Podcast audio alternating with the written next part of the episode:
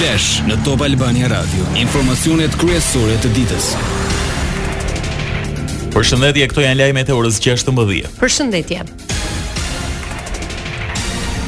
Zgjedhja e kreut të ri të Spakut, kryeministri Rama i përgjigjet akuzave. Shefi i qeverisë shprehet plotësisht dakord me ambasadën e SHBA-ve duke theksuar se zgjedhjen e bën Këshilli i Lartë i Prokurorisë, që varet vetëm nga anëtarët e vet. Rama kërkoi t'i jepet fund atyre që i quan thashetheme, e shtoi se në këtë zgjedhje nuk hyn as qeveria dhe as ambasada.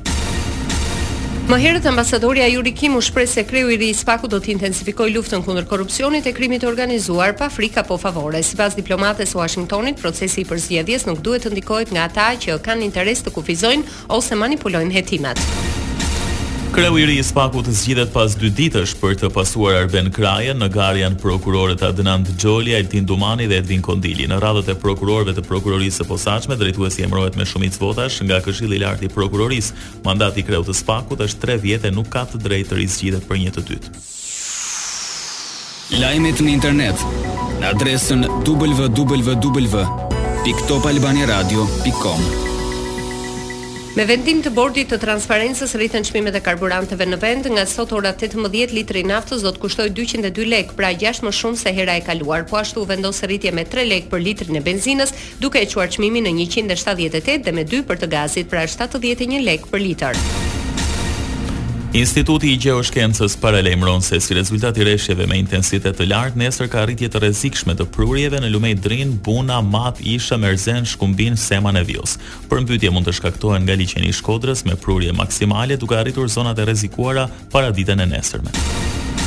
Në akset Tamarë Vermosh, në Valbonë, në Bajram Curri Kam, Bajram Curri Fierzë dhe në Qafë Thore Theth, qarkullimi kryhet pa probleme pavarësisht reshjeve të dëborës. Autoriteti rrugor i bën apel drejtuesve të pajisen me goma dimërore e zinxhirë kur udhëtojnë në zonat malore. Sot vendi do të vijojë nën ndikimin e kushteve atmosferike të paqëndrueshme me mot të vranët e reshje shiu të herëpashershme, në relievet malore në verilindje bie dëborë. Temperaturat variojnë nga dy në nëntëmbëdhjetë gradë. Lajme nga rajoni. Siç pritej, liderët shtetërorë sot nënshkruan aplikimin për anëtarësimin europian të Kosovës. Në dokument firmat i hodhën presidentja Osmani, kryeparlamentari Konjufca dhe kryeministri Kurti. Ky zhvillim shënohet në mesin e tensioneve në veriun e Kosovës me shumicë serbe, ku serbët lokalë mbajnë barrikada në rrugë duke bllokuar akset që çojnë për në pikëkalimet kufitare me Serbinë. Kryetarja e shtetit Osmani e cilësoi historik siglimin e aplikimit të anëtarësimit në bllokun europian. Nesër pritet dorëzimi i dokumentit në Pragë, kryeqytetin e Çekisë, vendit që aktualisht kryeson presidencën e bllokut europian. Presidenti Osmani Lajme nga bota. Në kanalin anglez katër persona humbën jetën nga mbytja e një varke të vogël me emigrantë dhe dyzet e tre shpëtuan mes tyre një shqiptar. Bilancin e viktimave e konfirmoi një zëdhënës i qeverisë britanike. Një operacion i madh kërkim shpëtimi u krye në brigjet e Kentit pas një telefonate për ndihmë rreth orës 3 të mëngjesit me atë lokale. Autoritetet franceze dërguan një helikopter si dhe një anije patrullimi të rojës bregdetare për të ndihmuar kolegët britanikë. UNHCR reagoi me shqetësim dhe kërkoi informacione të mëtejshme. Drejtori i Kryqit të Kuq Britanik për Mbështetjen e Refugjatëve, Alex Fraser, tha se kushdo që ndërmerr këtë udhëtim në temperatura kaq të ulëta tregon sa të dëshpëruar janë njerëzit.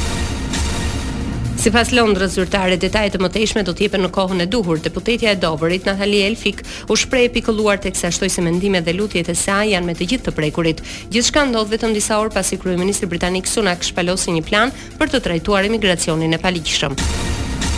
Rreth dhjetë muaj nga lufta ruse në Ukrainë sot u dëgjuan shpërthime në qendër të kryeqytetit Kiev. Kryebashkiaku Vitali Klitschko tha se shpërthimet goditën qarkun Shevchenkivski ku shkuan shërbimet e emergjencës.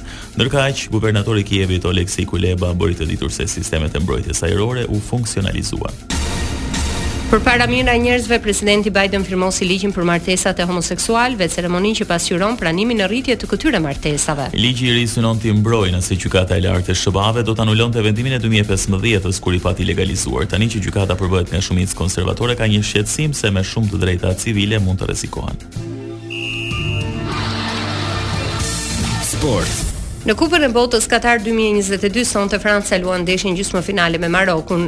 ekip që ka bërë histori. Takimi në stadiumin Al Bayt do të drejtohet nga arbitri meksikan Cesar Ramos dhe fillon në orën 20. Dy vendet përballen për herë të parë në historinë e një botërori futbolli. Kush fiton të dielën e 18 dhjetorit do të ndeshet me Argjentinën e Leo Messit që dje fluturoi për në finale pasi mundi Kroacinë me rezultatin 3-0. Ndoqët një përmbledhje të zhvillimeve kryesore të ditës. Edicioni informativ i radhës është në orën 17. Unë jam Doriana Lato. Unë jam Edi Hallaçi. Kjo është Top Albania Radio.